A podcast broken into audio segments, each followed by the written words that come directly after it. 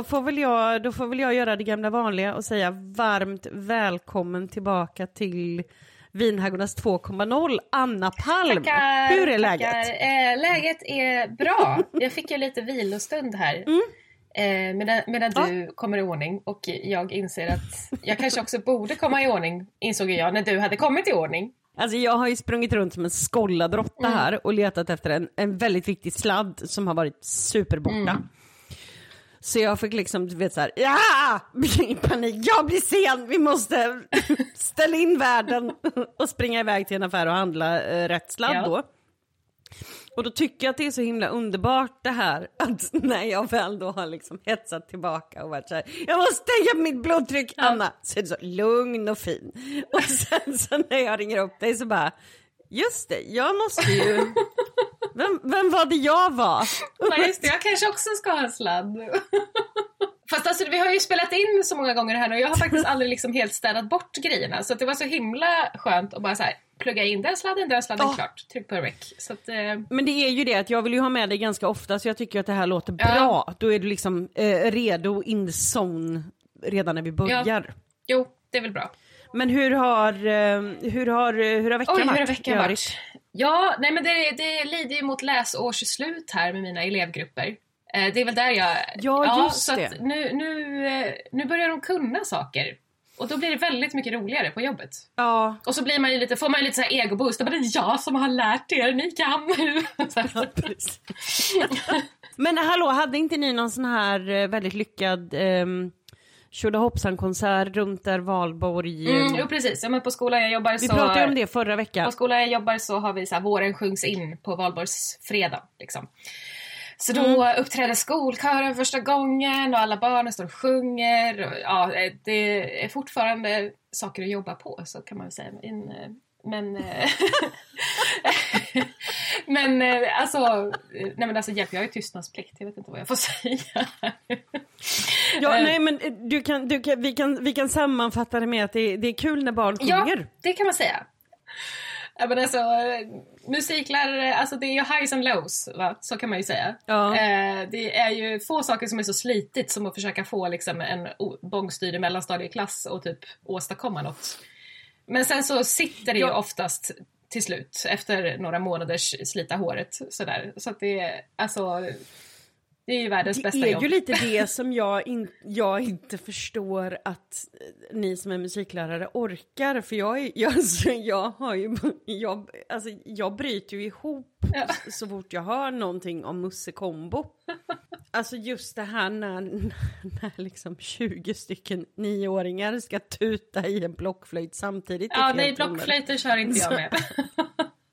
jag har ju kört ukulele då, med en 22 eh, grupps... Alltså 22 elever i fyra som ska Ja. lära sig ukulele. Den är... Ja. Eh, det är Den som det är- är helt enkelt. Man tackar att den lektionen bara är 40 är som minuter det och är, så ja. säger man ja, då har vi gjort det. Då gör vi inte det igen.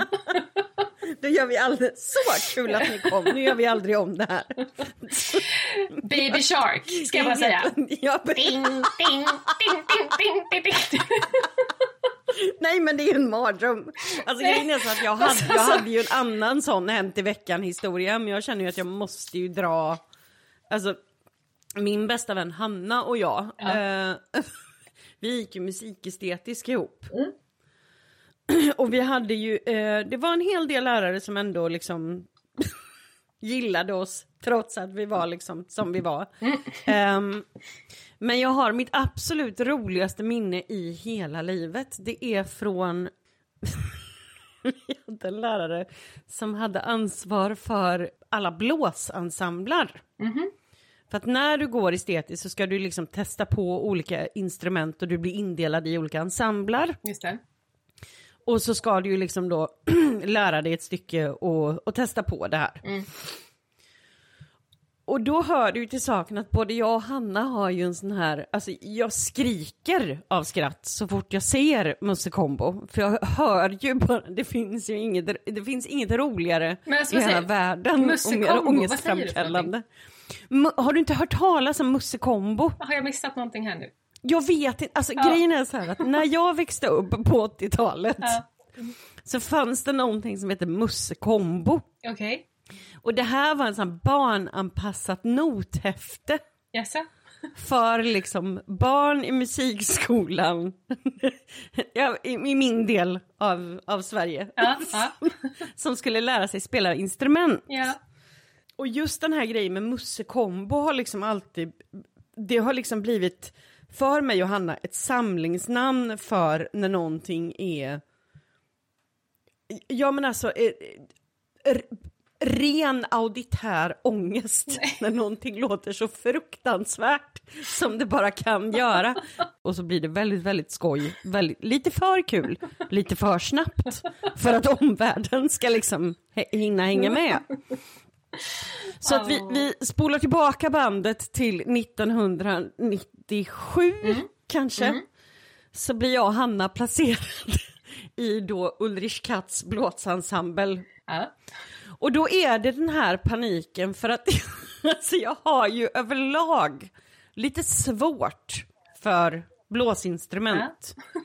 Jag, jag kallar det för saxofonani till exempel, för att jag får panik av folk som ska freestyla för mycket på sina blåsinstrument.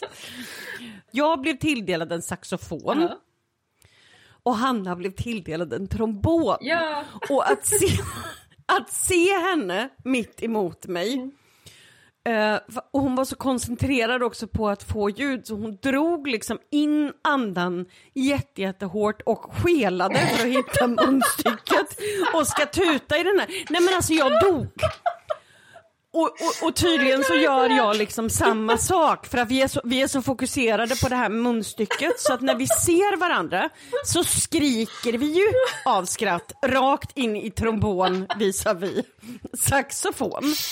Lägg på det, lägg, lägg på fjortishormoner på det också. Ja, ja, ja, ja, ja, ja, men du vet. Och så vet man om, man har den här otroliga stressen att jag får inte, den här läraren tycker inte att vi är så pass, vi kommer inte undan med det här. Nej. Men vissa tyckte att vi var charmiga och lite kul. B- eh, väldigt många lärare tyckte inte alls det. Nej. Så att liksom, men du vet jag ska sitta där och försöka vara seriös och se liksom Hanna ta i för allt vad tygen håller och skela in i sin trombon. Nej men alltså jag skrek. Jag slutade, få- jag blev som ett djur. Jag, alltså jag kunde liksom inte kontrollera min egen kropp. Så att det slutar ju med att när vi har förstört lektionen i tio minuter så blev vi separerade. Ja, jag känner igen den här elevtypen Annika. Ja, precis. Kul.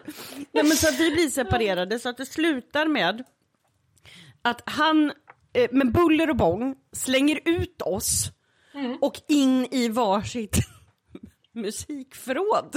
Okej. Så vi sitter ju på liksom en kvadratmeter var. Ja. Där ska jag sitta själv med noter och tuta i min saxofon. Men jag kan ju inte göra det för jag vet ju att varenda gång som jag blåser i saxofonen så ser ju jag och han, bara Hannas skelande ögon och uppblåsta trombonkinder. Nej men det var, det var hemskt. Ja. Ehm, så att det hela slutade med att eh, Ulrich Katz gick till rektorn och, och vägrade ha oss i samma ensemble. Så att vi blev, jag blev, ehm, jag blev utesluten. Jag fick aldrig ha blåsensemble mer. Det, är helt, det här är helt sant. Det här, är, det här är en bedrift Annika. ja, jag vet. Så Hanna fick vara kvar i blåsensemblen och tuta och skela vidare in i sin trombon. Och jag fick spela marimba med Jona Jansson istället. För det var, Nej, men om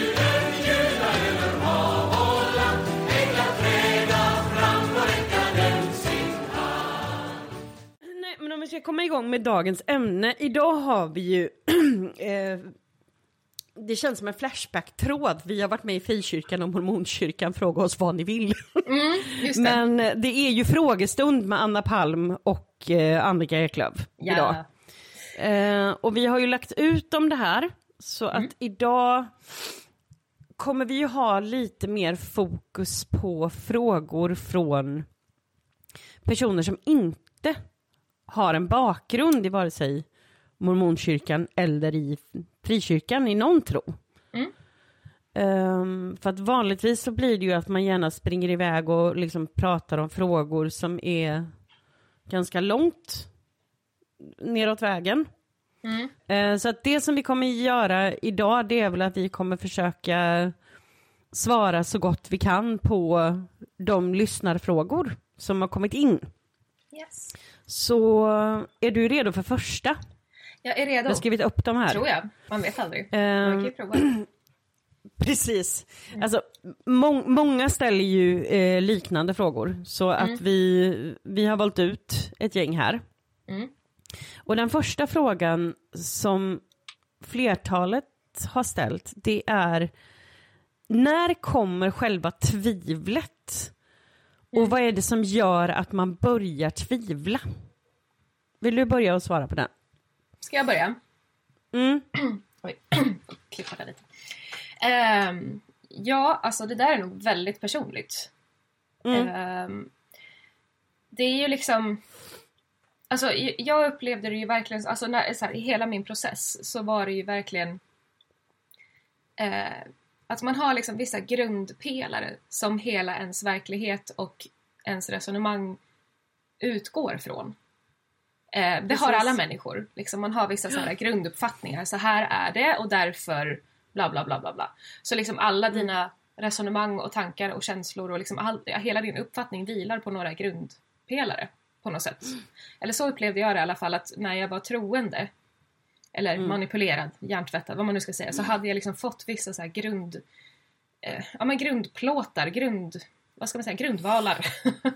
Ja, här, grundresonemang. Som är så, här, Stommar. så här förhåller Ja. det sig, så här och så här och så här. Och då utgick hela min verklighet från det.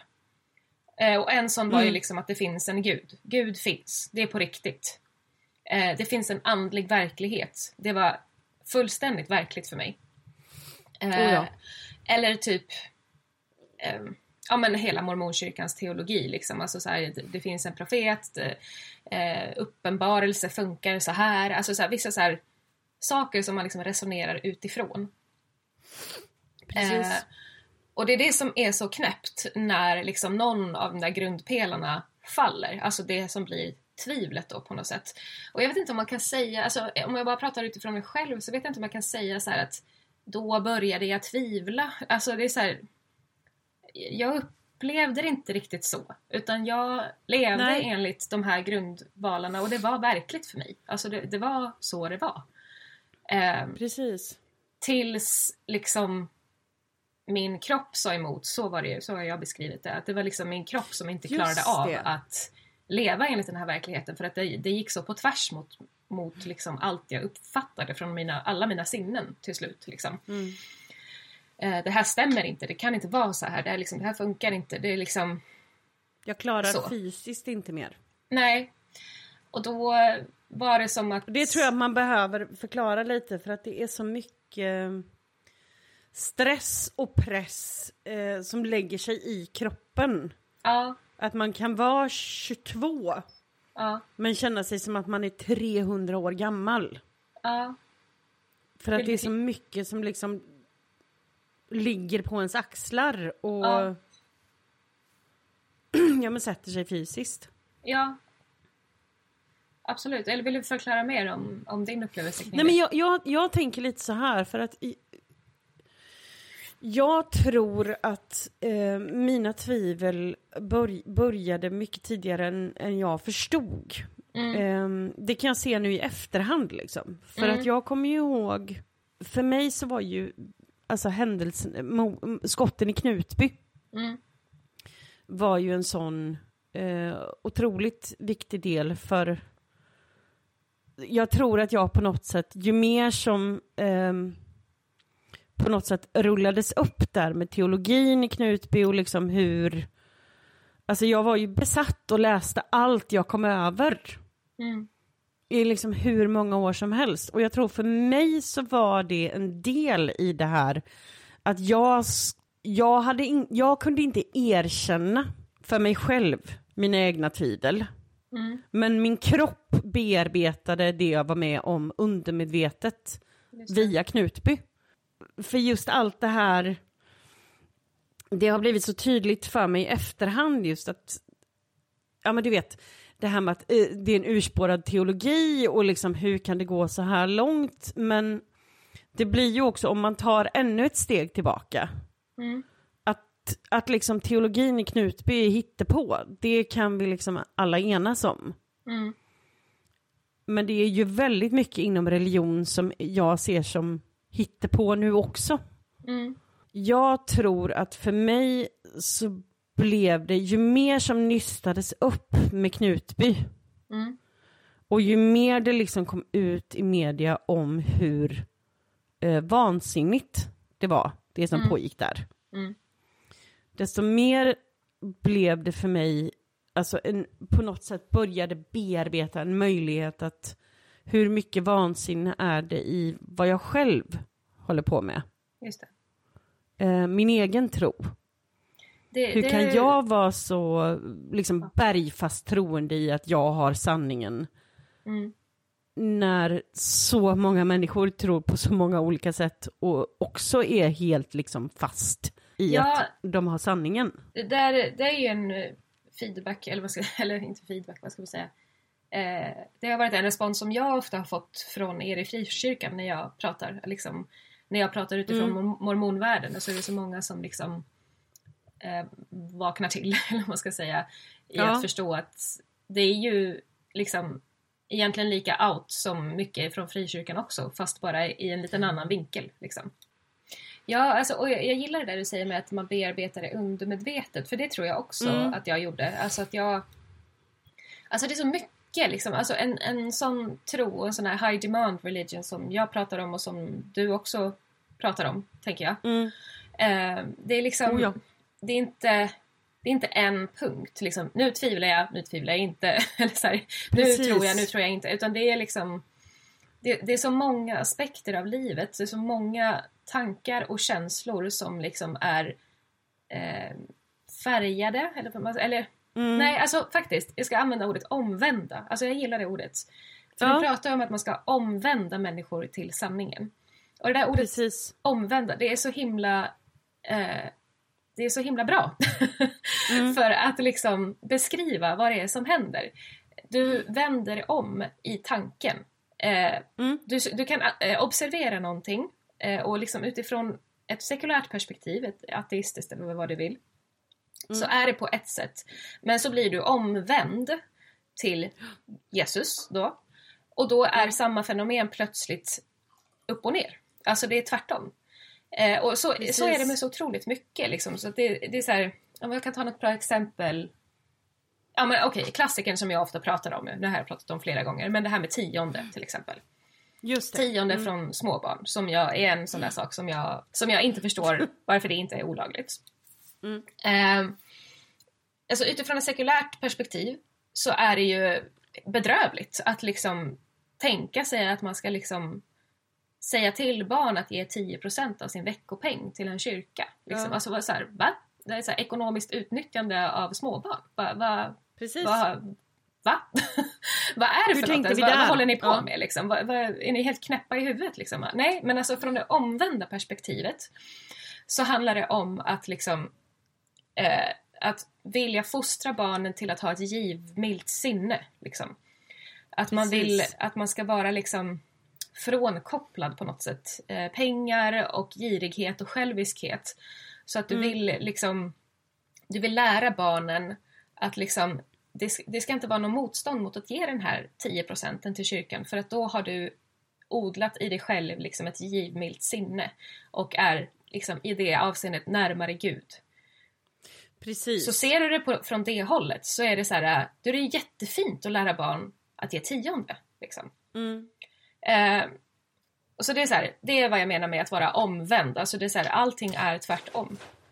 På något sätt. Ja, precis. Och det, Eh. det finns ju också, man, man får ju komma ihåg det. det. Jag tror att jag har tagit upp det tidigare. Nej, men just när, när det kommer till så här saker med, med tvivel och, och allting sånt. Mm. Det, som, det som jag tror att många missar, det är ju det här att ehm, alla kristna Mm. tvivlar. Mm. Eh, det här är ingenting som är unikt för människor som, som lämnar. Men vi har blivit indoktrinerade hela våra liv. Mm. Att, eh, och det är därför som jag menar när folk är så här, åh är det inte en sån frihet att ha lämnat tron och bla bla bla. Och jag blir så här, nej men det är lugnare i huvudet. Mm. Därför att när jag var troende, då får man liksom lära sig att eh, du måste hålla koll på dina tankar hela tiden. Så varenda tanke, jag har ungefär 7 miljoner i sekunden, så måste jag hålla koll på, kommer den här tanken eh, från mig? Kommer den från Gud eller kommer den från djävulen? Mm. Alltså det är ju ett under att man inte var liksom, alltså att man inte är sängliggande för livet. Det är ju så, man blir utbränd bara av att tänka på det i fem minuter. Men alltså just, just den biten är så att när, alltså det här, man, man tänker ju ofta liksom att, ja men som sagt, alla kristna tvivlar. Mm. Men man är också så himla himla inställd på eh, och indoktrinerad i att tvivlar du så är det för att fienden, djävulen, vill dra dig bort ifrån Gud. Det här är inte tankar som kommer från dig. Så att vi, vi luras in i att det som vi upplever inom oss själva, i, alltså att in, det som är internt förvandlas till ett externt hot. Ja, Och alltså, där tror jag problemet blir. precis så förklarade jag det också. För att jag hade verkligen Mm. en så här skiljelinje när jag liksom eh, tog in, alltså så för, för att just det där att man har en extern andlig sfär så att säga som påverkar Precis. Mm. dina känslor och tankar. Alltså det är så man pratar om det. Att det är så här eh, ja, det, nu är det en ond ande här. Det är därför jag blir rädd när jag ser på skräckfilm. Liksom, för att jag har bjudit in en ond Precis. ande och därför får jag jobbiga känslor i kroppen. Eller typ, Exakt. jag är lite rädd när jag är på väg hem från tunnelbanan mitt i natten och det beror Mm. på att onda makterna är efter mig. Liksom. Precis. Eller eh, nu kändes det jättefint att komma till kyrkan, det är för att de goda andarna är här och därför att Gud är Ja. med mig och jag bjuder in Gud i mitt liv när jag kommer till kyrkan. Alltså det är så här, alla de här känslorna har, får man ju liksom är ju resultat av, av, av, det andliga hela tiden. Mm. Och när, när den switchade över för mig, liksom att jag så här, nej, alltså allt jag känner och tänker, det är bara ett resultat av mig. Alltså av min kemi, mina nerver, mina järnvägar, liksom järnbanor. Precis. Min indoktrinering, min, min conditioning, vad heter det? Betingning. Eh, ja, Eh, ditt bete ja, betingade ja. beteende. Ja. Precis. Eh, det är det som skapar det här fyrverkeriet inom mig som är jag. Eller vad man nu ska sätta för etikett på det. Liksom. Mm. Det, är ingenting, det är ingenting externt. Eh, Nej. och då, då slutade jag vara troende. Så upplevde jag det.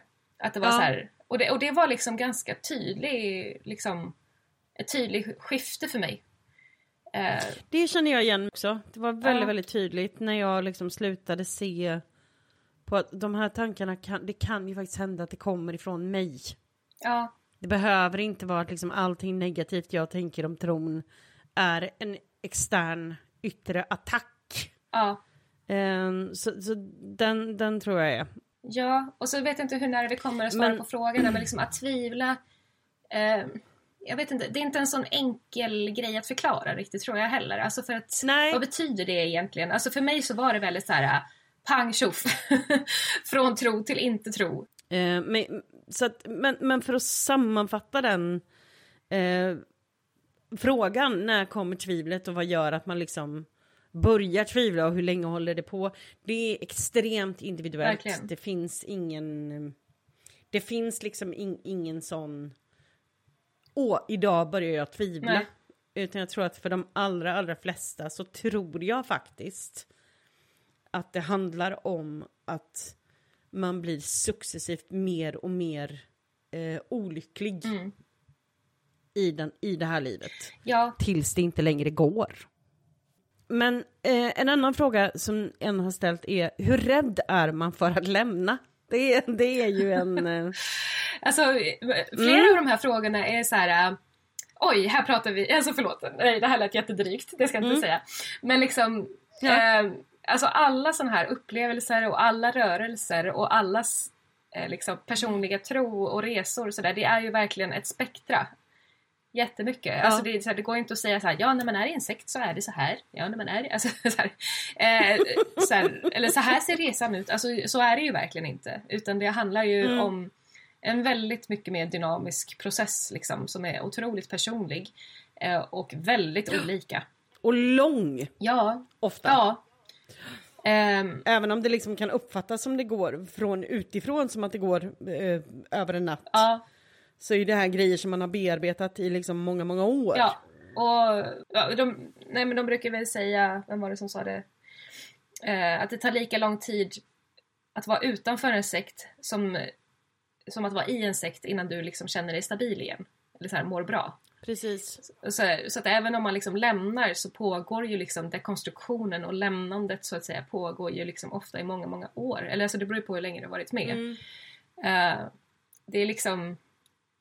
eh, det är något som, som märker dig uh, otroligt för liksom ditt fortsatta liv. Så det är liksom För ingenting... livet skulle jag säga. Ja, Mm. det är ingenting som du blir av med. Det är ingenting som du slutar hantera och processa och bearbeta. Jag tror inte det i alla fall. Alltså, Nej. Vissa kan nog känna sig klara efter ett tag. Jag har hört några som bara ah, nu känner jag mig färdig med den här stödgruppen, tack och hej och så lämnar de och man bara ah, wow. Mm. Eh, Ja, ja, exakt, wow! det var, var härligt för dig. Eller? Det är du och jag neurotikerna som är kvar. Då tar vi det här decennium till då. Men jag tänker på just, just den här saken med att hur rädd man är. Mm.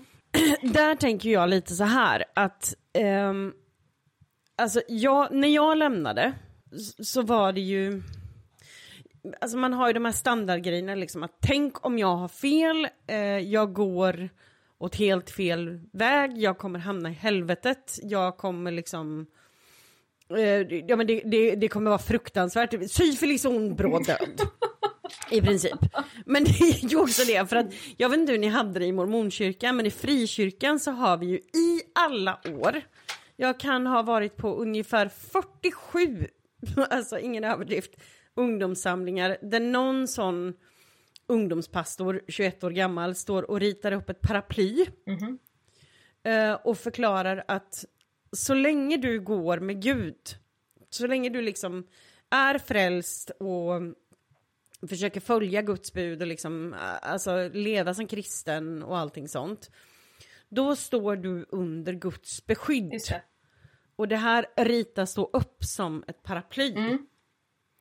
Och sen så får man veta att sekunden som du går utanför det här paraplyet, då kan vad som helst hända. Så att man är så indoktrinerad i, när man då lämnar, när hemska saker händer. Mm. Du tänker direkt liksom att nu händer någonting hemskt och det är mitt fel. Mm.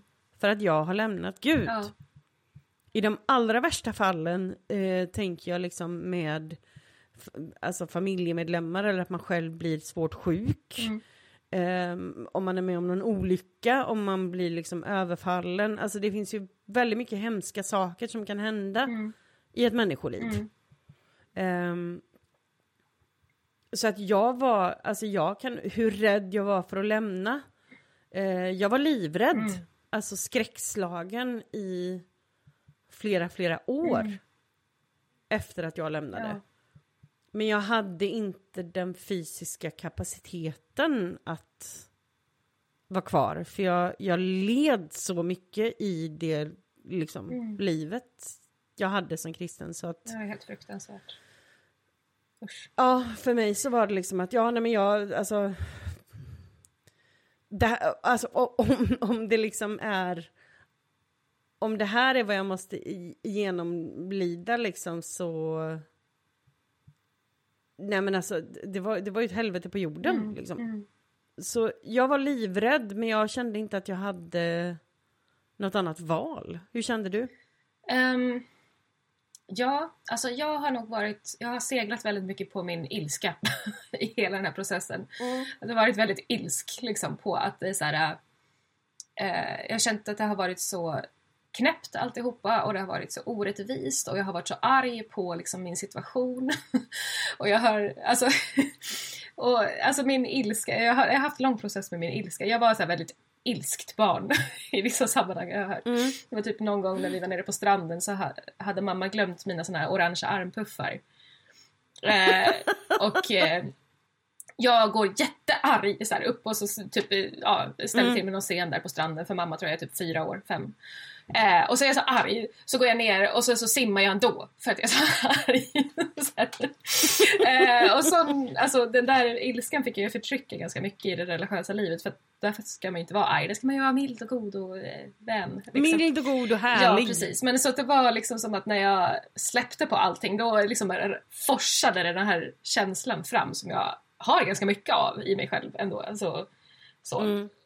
Eh, så för mig så var det liksom att jag, jag jag var så jävla förbannad på allting så att jag bara det här är inte mitt fel. Ja. Jag är inte sjuk i huvudet. Jag är inte knäppt i min situation som är som är sjuk. Liksom. Jag är inte sjuk, det är min situation som är sjuk. Det är, liksom, det är fel på den här Det är kyrkan. fantastiskt att du hade Ja, alltså, och sen, det ska väl tilläggas också, alltså min, eh, mina, som jag sa i förra avsnittet jag var med, alla mina mor och farföräldrar är ju överlevare och immigranter och flyktingar från andra Mm. världskriget. Så att det liksom, jag kommer från överlevare på något sätt. Och det var liksom, det där vaknade till liv i mig, liksom, att jag så här, jag ska Mm. överleva. Alltså för att jag hamnade ju i en jättekris. Jag tappade ju 20 kilo det året. Liksom, och jag var ju i totalt upplösningstillstånd. Alltså jag var fruktansvärt påverkad av att lämna.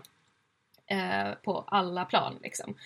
Men i det så liksom fick jag den här överlevnad ilskan liksom att det är så här, jag ska fan ta mig igenom det här för att jag kan inte tro Mm. på att jag är så här sjuk eller att, eller att det är så här mycket fel på mig liksom. Eh, det är inte Mm. mig det är fel på liksom så. Eh, så det var med den känslan som jag så här, It's not me, it's you! Ja, nej men alltså och liksom, Det blir ju som att göra slut med världens mest rötna pojkvän. Ja, alltså, och, men Alltså, och så att det var liksom, alltså jag var ju så eh, nere för räkning liksom på så många sätt men jag liksom bara nej, jag ska Mm. igen där, jag ska ställa mig upp, jag har ett barn som är två år som ska ha ett bra liv så här, hon ska fan ha det. Så då måste jag finnas och då måste det här ja vara men bättre. Liksom. Ehm, så att jag jag vet inte om jag kände så mycket rädsla faktiskt. Alltså jag skuggade nog över Ja. den med den här äh, jävlar anammat som jag fick. Ja Ehm, fast jag, jag menar ju det också att det är ju så himla indi- individuellt Ja. för att jag, jag kommer ju ihåg att när jag lämnade så var ju jag med om, alltså mitt avhopp eh, var ju väldigt våldsamt. Mm. Alltså jag blev ju utsatt för ehm, väldigt, vä- väldigt, väldigt mycket hemska situationer. Mm. Och på något sätt så var jag helt bara så här, ja, ja, men det är klart att det här hände, jag har ju lämnat Gud. mm, Det är, väl- det är väl klart att man blir överfallen. Och det ena med det tredje. det. Det. är inte så konstigt. nej. Alltså för jag har ju gått utanför paraplyet. Ja. Så jag får ju skylla mig själv. Men så då hade du ju ändå någon tro på det där kvar fast du lämnade? Eller? Ja, Ja. ja absolut. Mm. Och det, det tror jag att, att många har. Liksom. Ja. För att jag, jag vet att när jag lämnade, Mm. Jag har ju kunnat så här, ja men du vet, lämna det kristna levernet i perioder. Mm. Det är ju ganska vanligt att folk så här, ja men du vet, lämnar kyrkan ett tag och sen så kommer man tillbaka och så blir man härligt frälst igen och så Ja. det ena med det tredje. Men när jag lämnade den här gången, Mm. då var jag liksom, jag visste att nu går jag för gott. Mm. Så att jag fick ju snarare börja så här, okej, jag behöver bearbeta det här själv. Mm. Vad har jag för vanor med mig från det frikyrkliga som jag liksom behöver träna bort? Mm. Och sen så bearbetade jag igenom de här bitarna och jag kommer ihåg att det sista, liksom sådär, eh, det, här, det här måste jag KBT mig igenom, alltså träna bort. Mm. Det var att liksom inte be till Gud när det var som allra jobbigast. Alltså för att det är ju en sån typisk sak som de flesta gör, du vet att Gode gud, tar du bara mig igenom det här så lovar jag och du vet Mm. allting sånt. Jag har alltid varit en väldigt principfast person. Och då, då blev det att det blev, var väldigt, väldigt viktigt för mig att, alltså, för jag såg det som, jag började se det som att det här är dåliga vanor som jag har haft, Mm. som jag behöver träna bort. Men då, då undrar jag, så här, var, det, var det liksom i liksom. en... Trodde du fortfarande på de vanorna? Alltså trodde du fortfarande på bönen men insåg att du kan inte? Eller du mår för dåligt och därför måste du sluta? Eller var det liksom att så här, nej jag tror inte på det här längre men jag har vanan och måste sluta? Nej men jag tror nog att jag trodde att jag fortfarande liksom innerst inne hade tron kvar. Ja. I alla fall liksom om, om, tre, tre år kanske, tre, fyra år. Mm. Att det ändå liksom fanns, ja men du vet så här in, innerst inne i ens mörk, djupaste rum liksom. Att den tron fanns. Men jag hade tagit ett beslut, jag hade tagit ett val. Att det spelar ingen roll om det här är sant. Därför att om det är sant eh, så... Ja, men, som, som jag ofta sa då, liksom, att jag bedömer mina gudar som jag bedömer mina medmänniskor. Att kommer det någon som ehm, liksom tar åt sig äran för allt bra som händer och eh, skyller ifrån sig om det händer dåliga saker. Det är ju människor som jag vill liksom lägga mil emellan mig och dem. Mm. Det är det absolut värsta jag vet, personer som upphöjer sig själva och inte tar ansvar för när någonting går fel. Mm. Ehm, och varför skulle jag då välja att liksom följa en gudom som fungerar precis så? Mm. Den är bra. Det är en bra fråga. Ja men, ja, men lite så. Så att jag... jag det, det tog, för mig så var liksom just hela den här grejen om jag trodde på det eller inte. Det, för mig personligen så var det helt oväsentligt. Mm. För att jag tyckte att det var liksom en sån... Men jävla rövhål till gudom Mm. liksom. Ja. Och då, då skiter jag i om det, om det är sant eller inte. Då brinner jag hellre i helvetet. För att jag vill inte liksom... Och så kan jag fortfarande, du vet, bli när man tänker på... Alltså, du vet, tänker tillbaka på det liksom. Att jag skulle aldrig vilja komma in i himlen på hans villkor liksom. Nej. Om det som står är sant. Nej men precis. Ehm, Verkligen. så just den här biten med, med alltså... Att lämna tro... Nu, jag tror inte på det nu, men det tog ju... Alltså lång tid. Det här var ju inte någonting som bara... Ja, men du vet. Mm. Dö, dök upp i en handvändning, utan... Jag var... Ja, men det är det, det här med principgrejen liksom. Mm. Att jag, jag, jag tolererar... Var, varför ska jag tolerera ett beteende från en gud som jag lägger ner hela mitt liv för? Som liksom besitter alla egenskaper som jag inte tolererar hos andra människor. Ja. Aldrig i livet. Ja. Eh, så där, där var det nog lite mer. Du gav fingret och gick åt andra hållet. Oavsett. Ja, precis. Fuck you, I won't do what you tell me. Rakt av. det var... Det är, det är, det egentligen det, det är den korta, den bästa sammanfattningen av mitt lämnande. Fuck you, I won't do what you tell me. Ehm, Det är bra.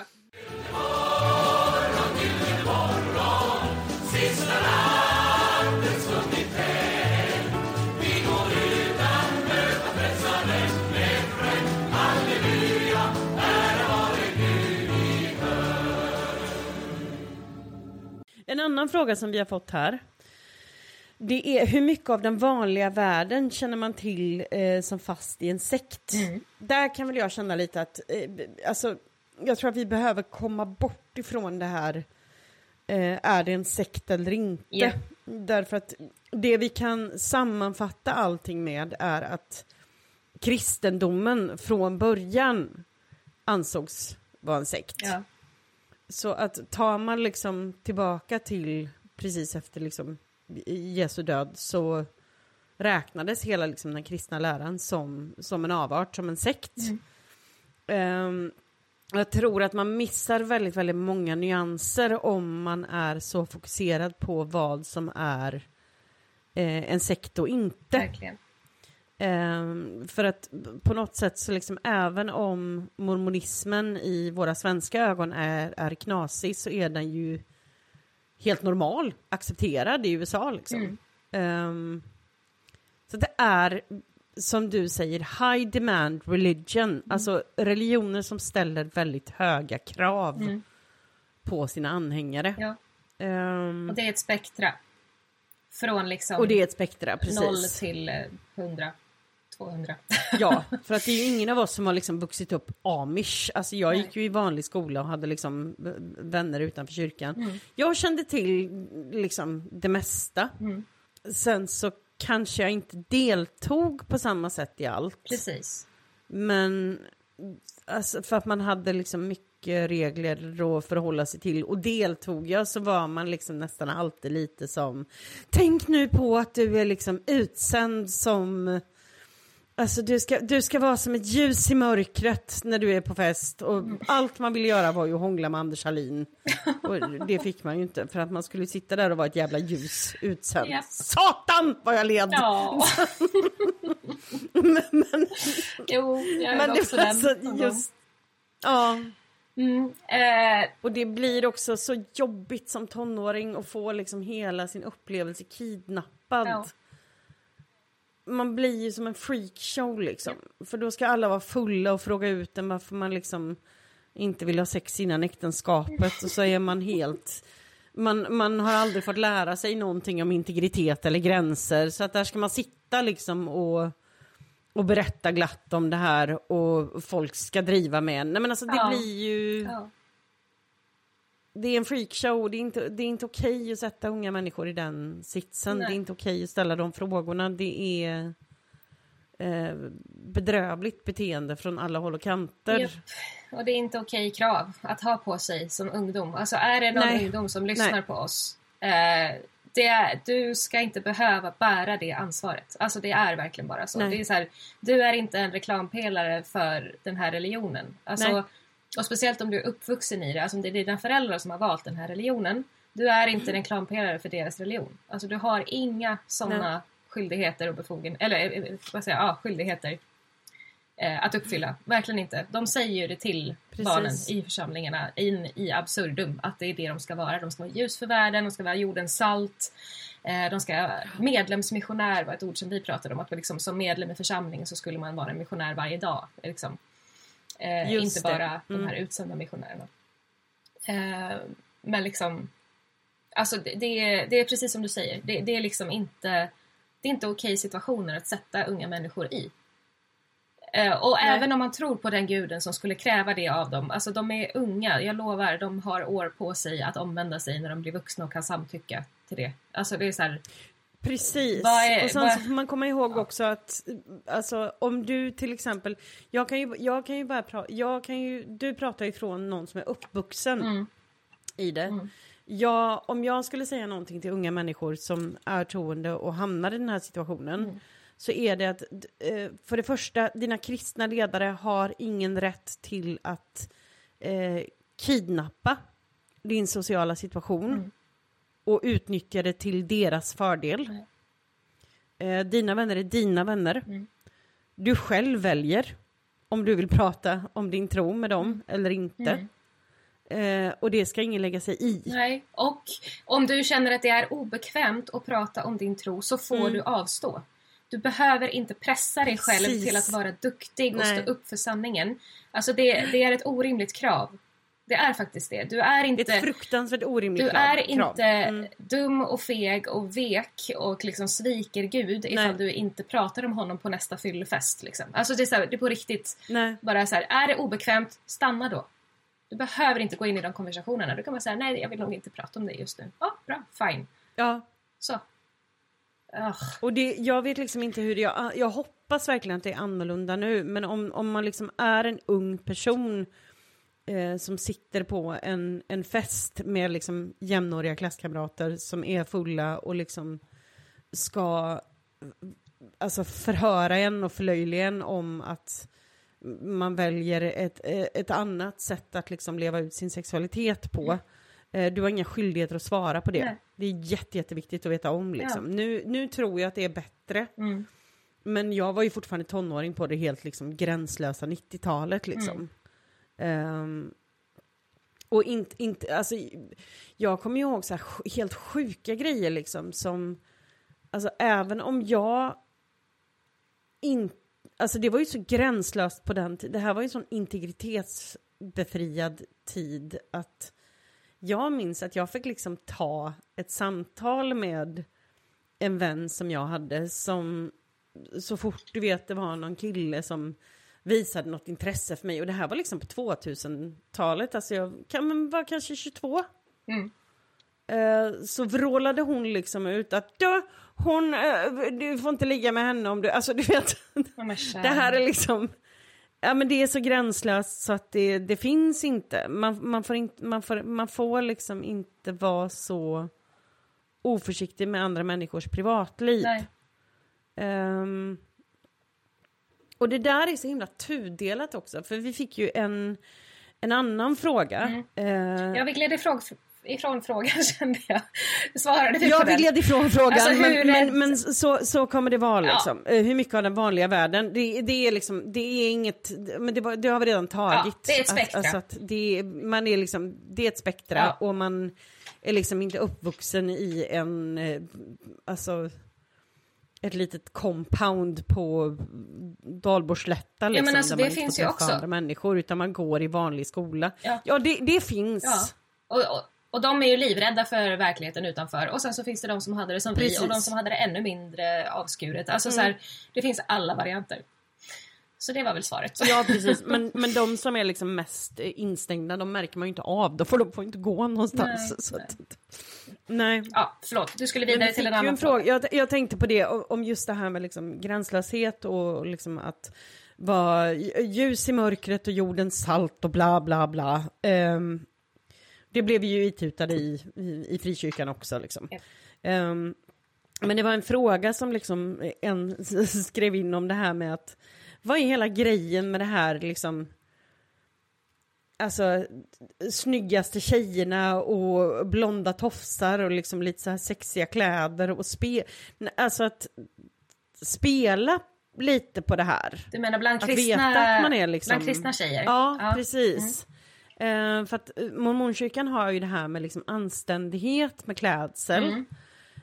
Eh, frikyrkan var ju lite mer så här, alltså nästan som att, eh, jag växte upp i en helt sjuk kontext där de liksom skröt om eh, nästan pastorer emellan om hur snygga tonårstjejer de hade i liksom sina församlingar. Mm. Det är fint.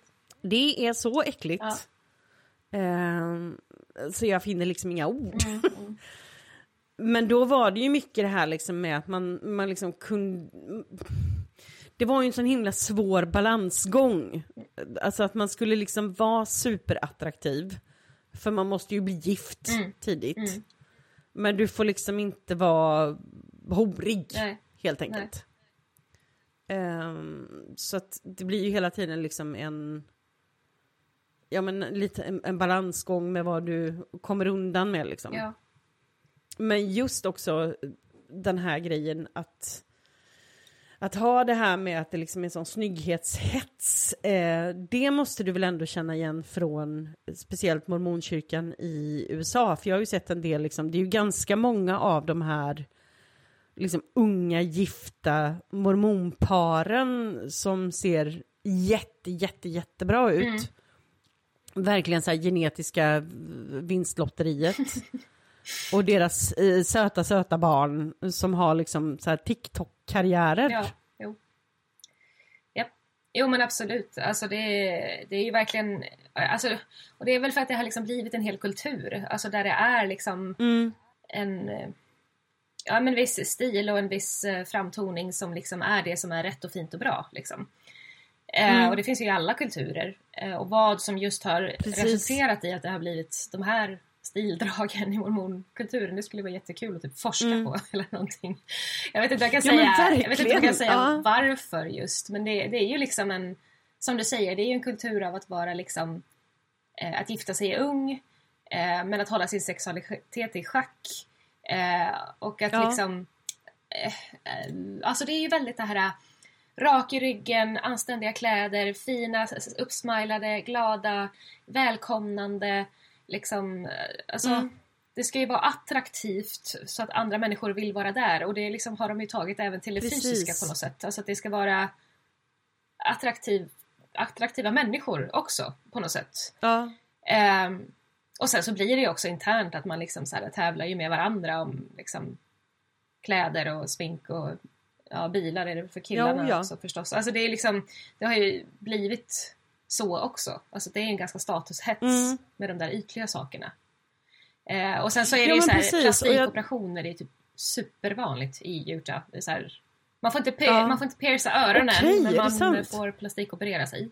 Eh, utan problem. Är det sant? ja, jag vet inte. Men gud vad bisarrt. ja. Ja.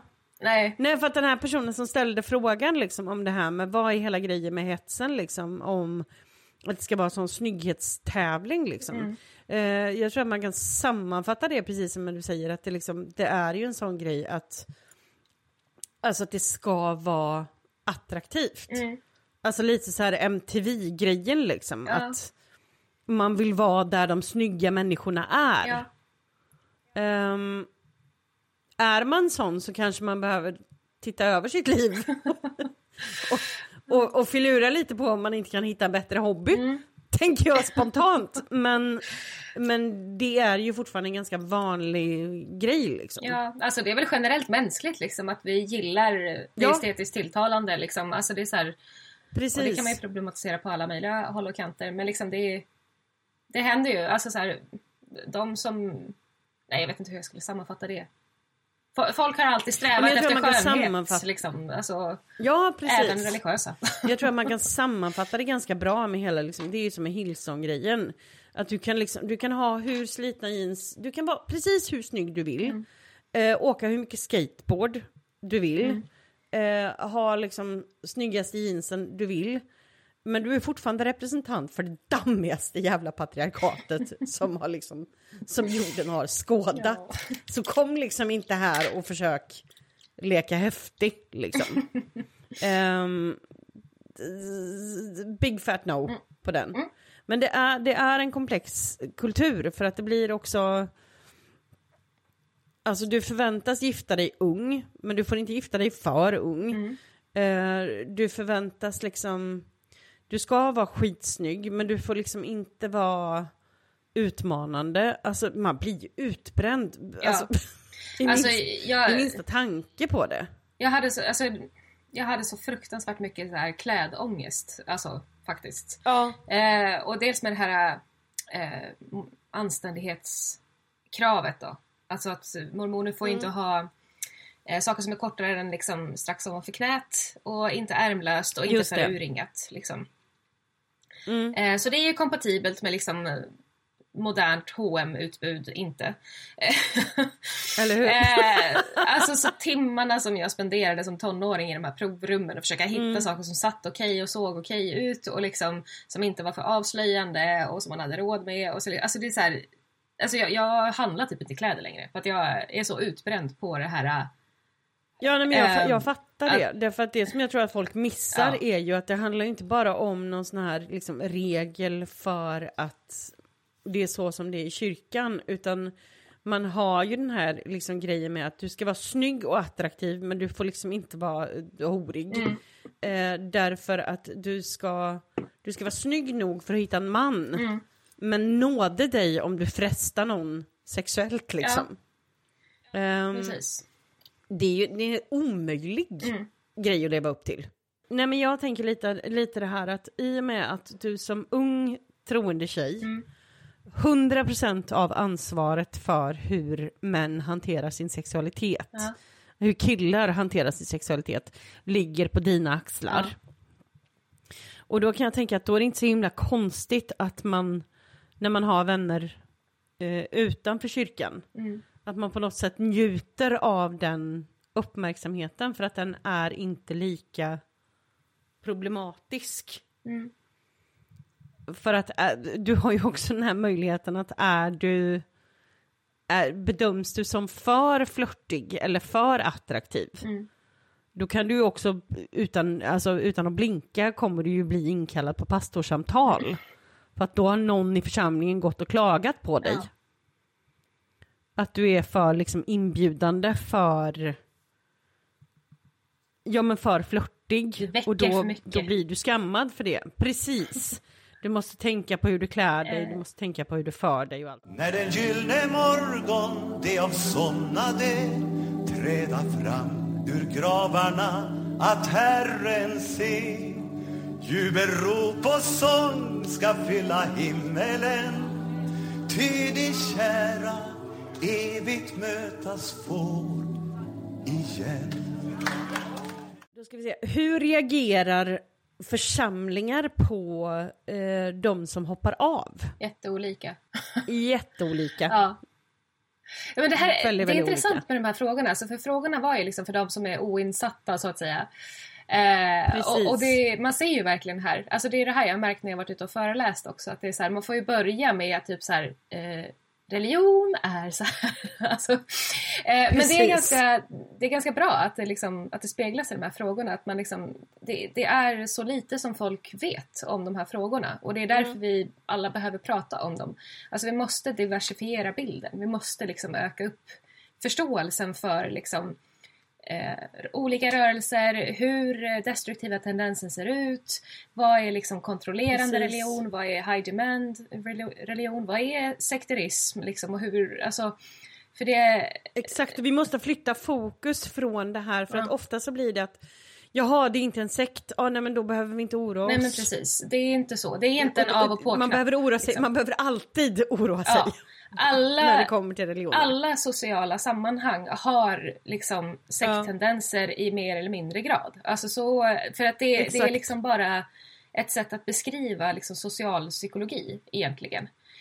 Eh, och ingen, ingen grupp tror jag är helt befriad från de här liksom olika mekanismerna som uppstår Oh, när vi kommer samman.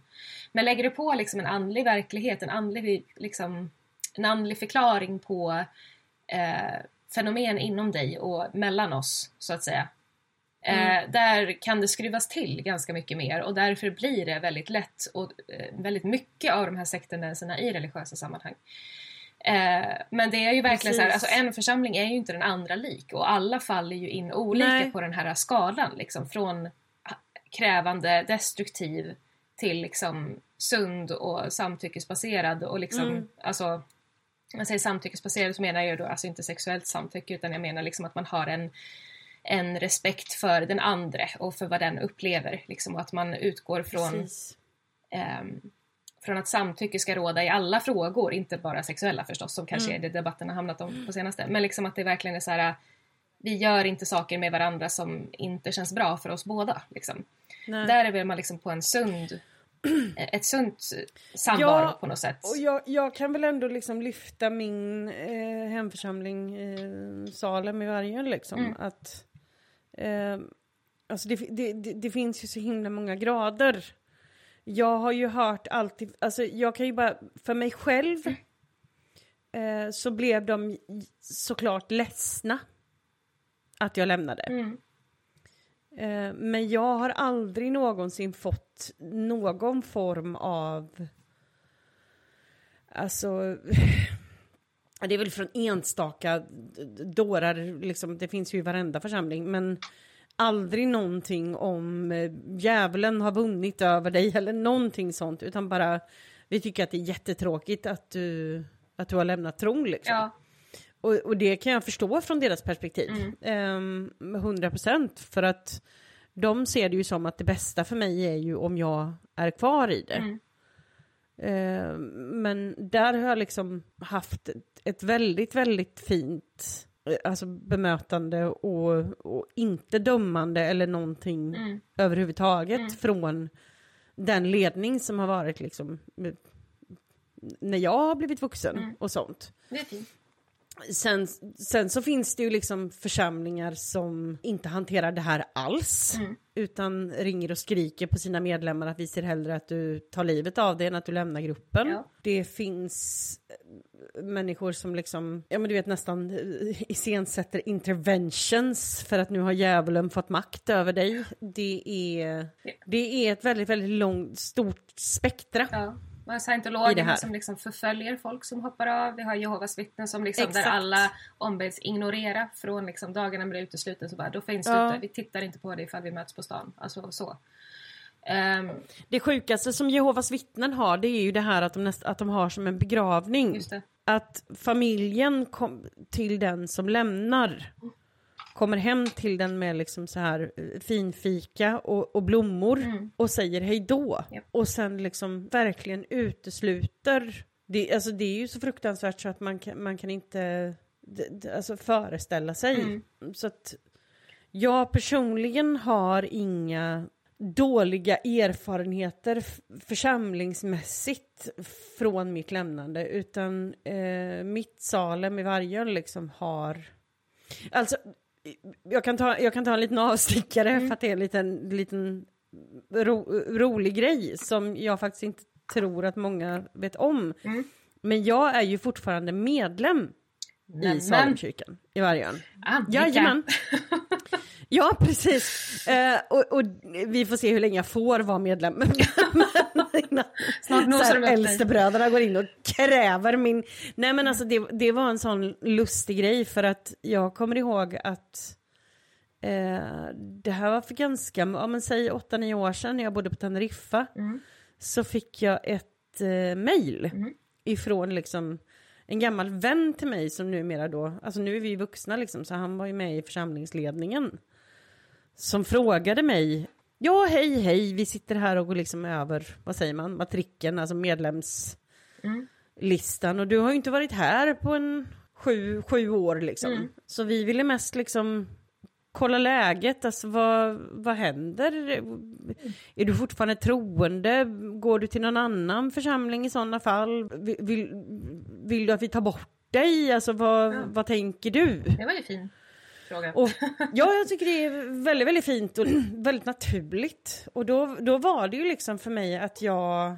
Alltså Salem har varit en så stor del av mitt liv. Även om det liksom har varit saker som har ehm, påverkat mig negativt. Så har liksom...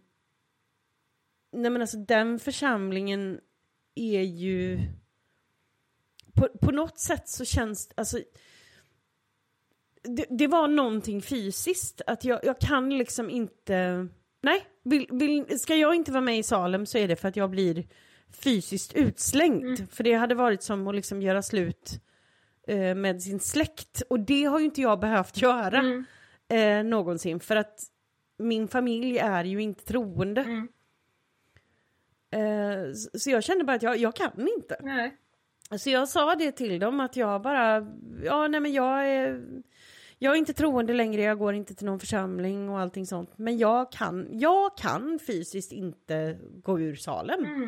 Det är en för stor del av mitt förflutna liksom. Ja. Och en, en för viktig del. Så att ni har liksom två val, att antingen så får ni kicka ut mig. Eller så får ni skapa en ny klausul där jag liksom står med som hedershedning. Så sen 2013 så, Hedershedning. så är jag Jag älskar godkänd hedershedning i, i Salemkyrkan i Vargön. Jag vet ju om att det finns vissa äldstebröder som inte riktigt är med på det här. Men jag tycker fortfarande att det är så himla himla fint. Tryck upp en mössa till dig Annika. Ja, Hedershedningen. hedershedning, precis. För jag ska ha mina jävla pastorssamtal med Johan Jordeskog. De ska jag ha rätt till, för jag är medlem. Ja. Why not? Ehm, så att jag menar, det, det finns ju liksom... Jätte... Det här är ju en ja, så kallad solskenshistoria. Det får man ju vara liksom. Det finns ju de som har eh, inte alls sådär käckt eh, och gulligt. Utan det finns verkligen de som eh, far extremt, extremt illa. Ja. Hur blev reaktionen från din eh, församling när du bestämde dig för att lämna? Ja, alltså från församlingen, från den liksom organisatoriska församlingen så var det ingenting. Faktiskt bara fint. Det var någon som ringde när jag inte hade kommit på några månader så var det en som ringde och bara kollade läget och ville bara höra. Det var ingen press, Okej. ingenting. Alltså, och det var också en vän till mig liksom så. Eh, så det kändes bara fint och sen så var det liksom Ja men det var några andra som hörde av sig och bara ville kolla liksom för att det gick så mycket rykten och sådär liksom. Eh, Härligt. Ehm, så att, ja men det var väl en handfull som liksom ändå kollade läget sådär första halvåret typ. Eh, men sen så skrev jag ju ur mig efter ett år och då fick jag bara på Messenger faktiskt var det den som var, råkade vara min biskop. Jag visste inte ens om att han var min biskop, alltså min församlingsledare då. bara hej vi har fått ditt utträde från Utah nu liksom. Du, bara så att du vet att du inte är längre medlem i mormorkyrkan och typ du är välkommen tillbaka ifall du ändrar dig någon gång. Alltså verkligen bara så. Och jag bara jaha, så här. Mm. Jag vill ha ett diplom! Nej men, Ehm, nej men eh, ja så att det, liksom från själva kyrkans så här, organisatoriska, alltså de ledare i organisationen så, så märkte jag ingenting faktiskt. Alltså, Mm. och det är ganska ovanligt, alltså, för jag har hört liksom de flesta får liksom frågor eller liksom får bli inkallade till församlingsledaren och få svara på varför eller de ska liksom reda ut det här eller liksom sådär att det är så. Men jag fick inget sånt. Eh, men däremot Nej. så var det ju liksom andra närstående till mig som eh, gick över ganska många gränser i att liksom eh, ja, påverka mig tillbaka. Så. Eh, så att, och det är liksom egentligen i teologin så gör ju de mera rätt. Liksom. De som försökte, de som var gränslösa i att liksom Oh ja. påverka mig. Ehm, så att egentligen så är det ganska konstigt liksom, alltså, eh, att de från kyrkan i, här i Sverige liksom brydde sig så lite på något sätt. Ja. Men det är väl det jag menar också med att liksom, mormorkyrkan i Sverige är ganska mycket mer tandlös, liksom, som jag har sagt, än i Utah.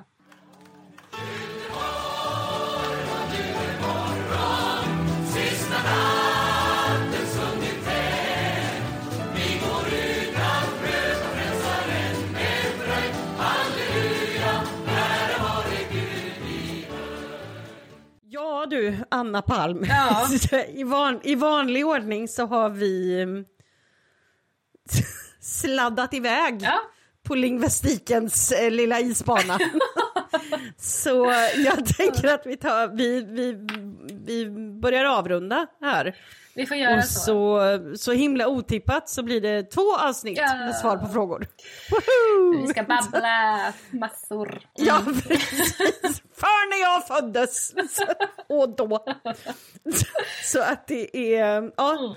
Nej, men så vi, vi, vi tar och rundar av här och sen så kommer det bli ett avsnitt till där vi går in på andra frågor som rör, rör liksom allting från eh, pastorsfruar och kvinnoroller till eh, utbrändhet och ehm, hur, hur, hur långt får man egentligen gå innan det räknas som knull? Mm. Etc. Ja. Sådana frågor. Så att eh, det, det har ni att se fram emot i nästa avsnitt. Men eh, tills dess så får jag säga tusen tack Anna, din gullis, Ja. för att du är med och tack. sidekickar. Ja. Nej, men Underbart. så men mycket. då, då hörs vi snart igen. Och så, eh, ja, Mm. ha det gött, hej. Ha det gött, hej.